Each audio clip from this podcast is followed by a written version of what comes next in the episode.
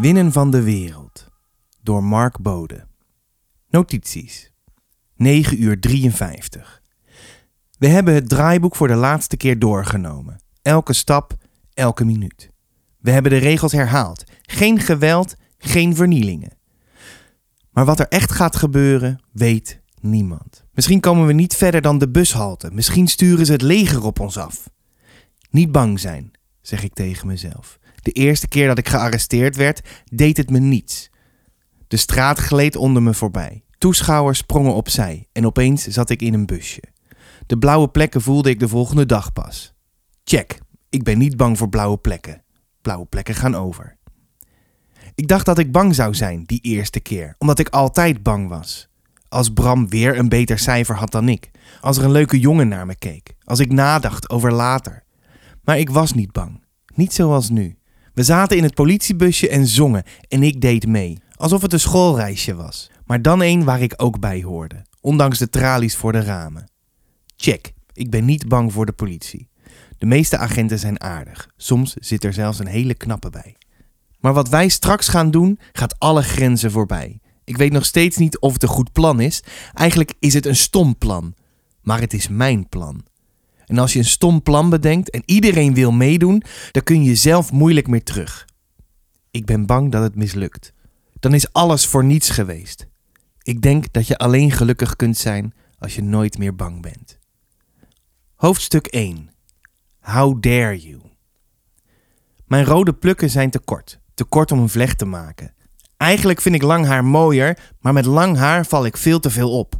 Met lang haar is het net of ik licht geef. Nu knipt onze kapper het in korte, woeste plukken. Lekker pittig, zegt hij dan. En vandaag ben ik daar heel blij mee. Vandaag hoef ik niet uit te leggen waarom ik teken als de klas weer eens het lokaal afbreekt. Vandaag hebben alle meisjes met lang haar een vlecht gemaakt. Die laten ze naar voren hangen over hun linkerschouder. De populaire jongens doen mee. Die hebben een trainingsbroek over hun kop getrokken en de pijpen als een slechte vlecht om elkaar gerold. Stilte! Als die vrouw van Bio boos is, schreeuwt ze zo hard dat haar adem al naar vier letters op is. Ze wijst, loopt rood aan. Dat is natuurlijk kansloos. Als je voor klas 3b met een hoofd als een biet gaat stampvoeten, heb je al verloren. Dat weet de hele school. 3b is rockmuziek zonder muziek. Mijn klas. Achterin gaat een jongen staan. Hij zwaait zijn trainingsbroek over zijn linker schouder, drukt zijn wenkbrauwen naar beneden en kijkt onze bio-beat woedend aan. You have stolen my dreams and my childhood with your empty words. How dare you? gilt de klas erachteraan. Oh, handig om te weten. Sinds het derde uur heten alle populaire jongens van 3B Greta. Alle meisjes ook trouwens. Alleen ik heet Janna, want ik heb geen vlecht. We hebben een klimaatdag. Dat is een goed onderwerp, want themadagen gaan op school altijd over rampen. Armoede, oorlogen, vluchtelingen. Nooit over liefde of chocola of voetbal. Daar word je dus heel depressief van. En sinds vandaag weet ik dat mijn huis over 20 jaar onder water staat. Deze school ook trouwens, maar dat vindt niemand erg. Hoe het verder moet weten ook de docenten niet. Goed, opeens hebben alle docenten een eigen koffiemok in plaats van wegwerpbekertjes. En we moesten een dikke trui aan zodat de verwarming lager kon. Maar ik denk niet dat we daarmee de wereld redden. Nu kijken we voor de vierde keer dezelfde video. Op een of andere manier komen leraren altijd tegelijk op hetzelfde idee. En daar zijn ze dan niet meer van af te brengen. Stilte! De biobeat hapt naar adem. Van het filmpje is niets meer te verstaan. Wie het nu nog niet uit zijn hoofd kent, kan de ondertitels lezen. Ik blader in mijn schrift naar een nieuwe lege pagina. Ik teken een vlecht, een vuist, vuisten, kartonnen actieborden. Op papier kan ik fantaseren dat de herrie in de klas uit een andere wereld komt. Het eerste uur ging het nog goed. Ademloos keken we naar de speech van Greta Thunberg, een Zweeds meisje met een lange vlecht, dat op haar zestiende in New York woedend alle wereldleiders toesprak, omdat ze vond dat hij een puinhoop maakte van ons klimaat. Van de hele wereld eigenlijk. En zoiets snapte onze klas wel. Aardrijkskunde begon ook met het filmpje. Omdat het zo goed laat zien dat jongeren ook mee kunnen denken over wereldproblemen. Natuurlijk, dacht ik. Ik weet nog niet eens of ik op de haven mag blijven en ik moet al een planeet redden. Sowieso vind ik het stom als volwassenen gewichtig over wereldproblemen praten. Die heb je zelf veroorzaakt, denk ik dan. Dus waarom zou jij weten hoe het verder moet? Engels begon weer met Greta. Maar die gast zag dat we begonnen te zuchten. Hij liet ons in groepjes de sterkste zin uit de speech kiezen en die mochten we zo overdreven mogelijk nadoen. Twintig minuten oefenden we op het boze praten, haar te lange essen en het gebruiken van te veel adem tijdens de klinkers. Daarna begon de Greta lookalike verkiezing. You have stolen my dreams and my childhood with your empty words. How dare you? S-T-I-L-T.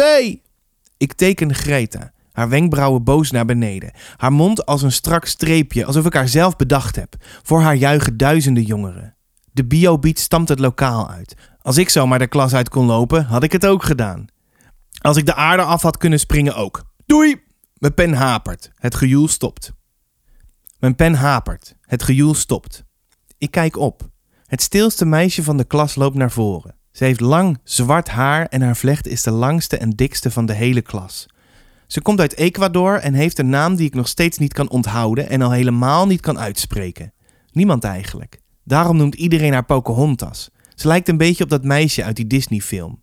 Ze is zo stil dat ik soms vergeet dat ze er is. Pocahontas schuift achter de laptop van de Biobeat en zoekt een nieuw filmpje op.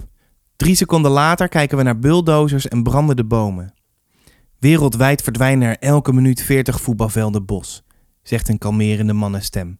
Het verwoeste woud wordt door grote bedrijven gebruikt voor de mijnbouw, de oliewinning en de verbouw van veevoer. Ook in Ecuador worden. De camera glijdt langs hoge bergen, mistige bossen, smalle rivieren en huizen in zachte kleuren. Hier kom ik vandaan, zegt Pocahontas langzaam.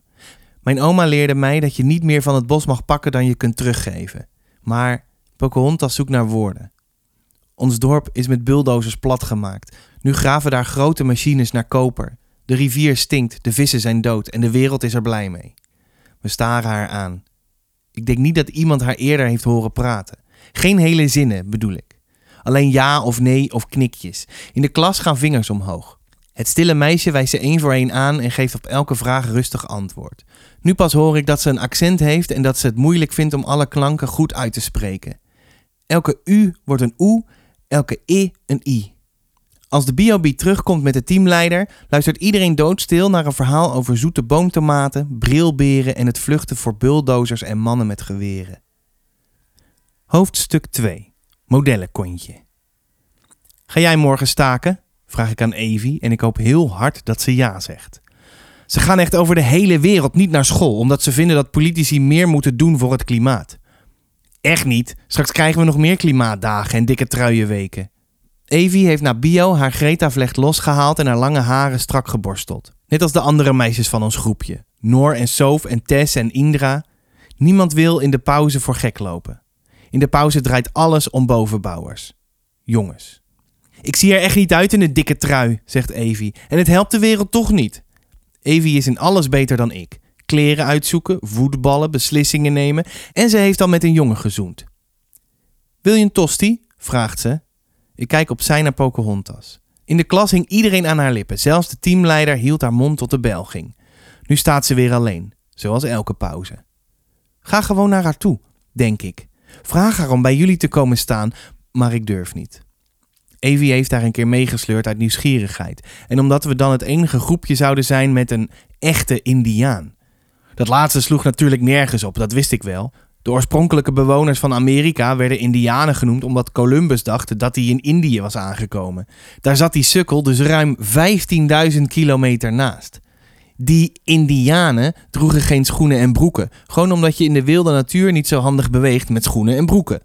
Dat heb ik gelezen. Dus betekende Indiaan in de tijd van Columbus zoiets als een halfnaakte wilde, van wie je alles mocht afpakken als dat goed uitkwam. Wat de Europeanen deden. Maar over zulke dingen praat je niet in de pauze. In de pauze moet het gezellig zijn. Pocahontas at uit een plastic bakje. Een soort pannenkoek, gevuld met kaas en aardappel. En een halve avocado.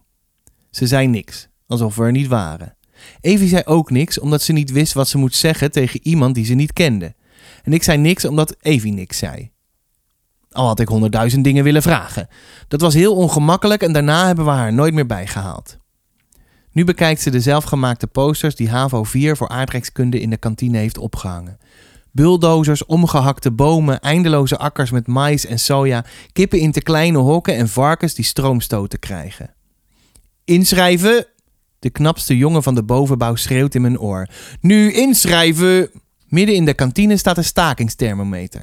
Gisteren stond hij nog op 46 deelnemers. Gisteren stond hij nog op 46 deelnemers. Vandaag wijst het kartonnen bouwsel 132 aan. Tegen de muur staan de protestborden al klaar. Het klimaat verandert, nu wij nog. Ik wil leren hoe het wel moet. Er is geen vaccin tegen CO2. Inschrijven, nu inschrijven. Wat een gedoe. De pauzes zijn nog erger dan de lessen. Iedereen gilt door elkaar en er is niemand die er wat van zegt. Ik denk dat ik allergisch ben voor geluid. Zoals anderen allergisch zijn voor wespen of proefwerken. Hallo, Janna. We zijn aan de beurt. Tosti? We hebben vandaag alleen kaastosties, zegt de vrouw van de kantine. Alleen kaas? Evie kan mopperen en aardig zijn tegelijk. De vrouw haalt haar schouders op en wijst naar de posters. Klimaatdag, je weet wel. Alleen kaas is prima voor mij, roep ik voordat Evie kan klagen. Die vrouw kan er tenslotte ook niks aan doen dat ze vandaag alleen kaastosties mag verkopen. Maar Evie legt zich er weer eens niet bij neer. Ik mag toch zelf wel uitmaken of ik ham eet of niet? Je ziet wat er gebeurt als iedereen het zelf mag uitmaken. De knappe bovenbouwer duwt een flyer in Evie's handen. Dan eet iedereen ham. Dus, Evie kijkt naar de jongen. Hij heeft half lang haar, sportschouders en een modellenkontje. We maken in de pauze stiekem wel eens foto's van hem en die appen we dan naar elkaar door. Evie kijkt hem langer aan dan wij met alle meiden samen zouden durven. Ben ik nu een crimineel? De jongen lacht en buigt dicht naar Evie toe. Erger nog, fluistert hij. Een mens. Dan draait hij zich om en loopt weg. Twee seconden later beginnen alle meiden te gillen en stroomt onze appgroep vol met foto's. In de tweede deelden we foto's van huisdieren en make-upjes, nu van bovenbouwers. Hele, halve en onderdelen. We verdelen de jongens in drie categorieën: deurpostermodellen, aliens en cuties. Evie valt op de deurpostermodellen, met lokken, het liefst naar links.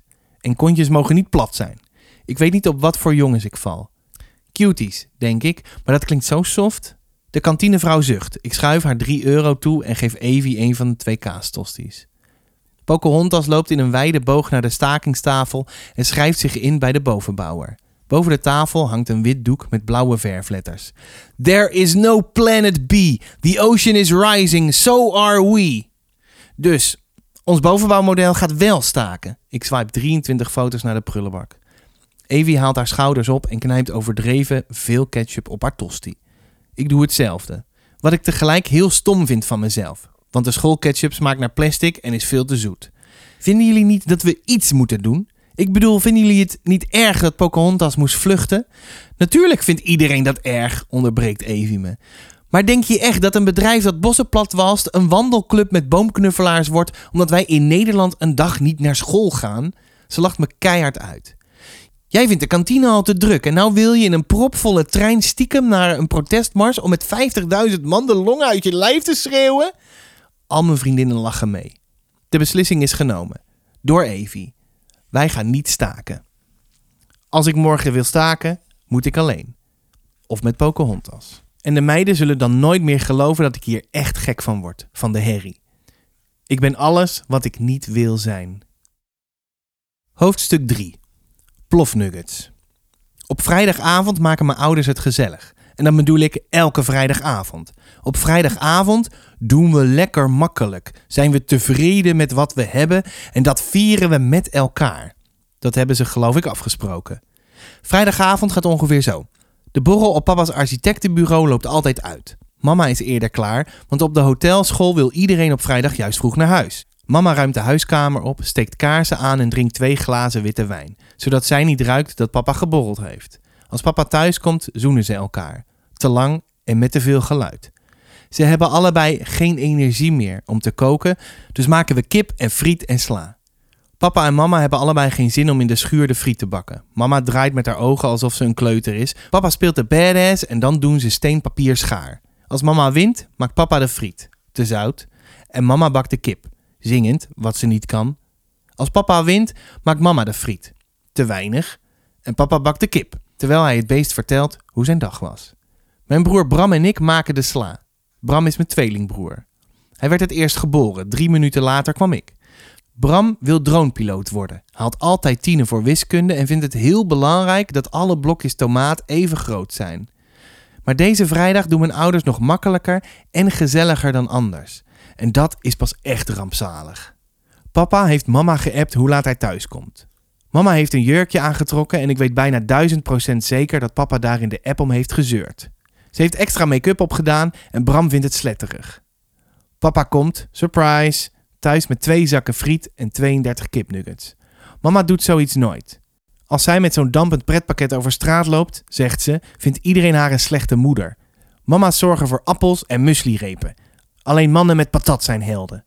Mama zet muziek op. Papa verdeelt de nuggets.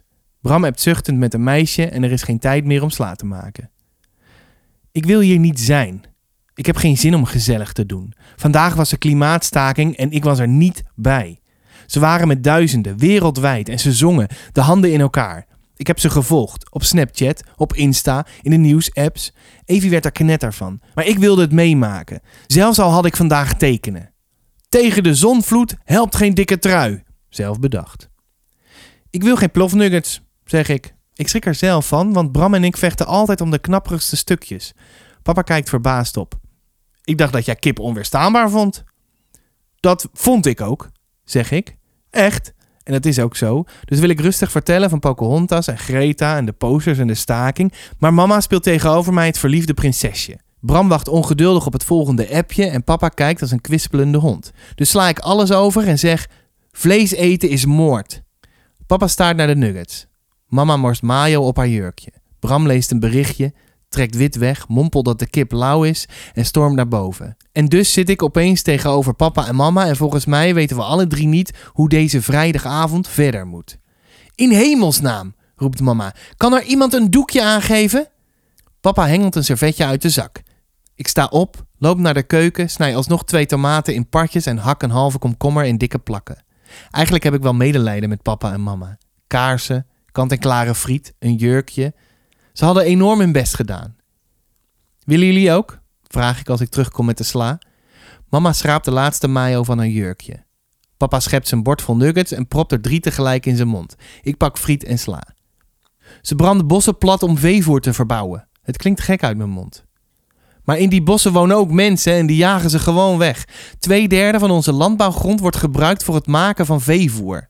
Dat voer gaat dan naar kippen en varkens in te volle hokken. En die worden ziek en bijten elkaar om bij dat voer te komen. En als ze zo vet zijn dat ze bijna hun poten breken, worden ze geslacht. Daarom eet ik geen vlees meer. Nooit meer, voeg ik daaraan toe. Wat natuurlijk heel stom is, want nooit meer is heel lang en het plan is nog geen half uur oud. Een dof ritme dreunt door het plafond. Bram heeft boven muziek aangezet. Papa springt op. Mama houdt hem tegen. Het is vrijdagavond. Bram is. Uh, iedereen is moe. Het is goed. Nee, het is niet goed. Op vrijdag eten we samen. Lauwe nuggets kunnen opgewarmd worden en in mijn huis wordt geen eten weggegooid. Ons huis, verbetert mama hem. Haar gezicht staat strak, haar jurkje zit scheef en ze heeft duidelijk geen zin om het voor de zoveelste keer recht te trekken. Mama laat zich nooit twee keer afwijzen. Ik ga in bad. En dat betekent bij mama dat iedereen in huis kan doodvallen. Maar dat ze de komende twee uur hoe dan ook niet gestoord wil worden. Ze staat op, zet geluidloos haar bord op het aanrecht en loopt de kamer uit. Papa kijkt me aan alsof ik de mayo ben op mama's jurkje. Wij doen enorm ons best en dan moet jij alles verpesten. Op vrijdagavond maken we het gezellig, vul ik aan. Ja, maar ik vind het vandaag niet gezellig. En het zou enorm helpen als ik het niet gezellig hoef te vinden. Neem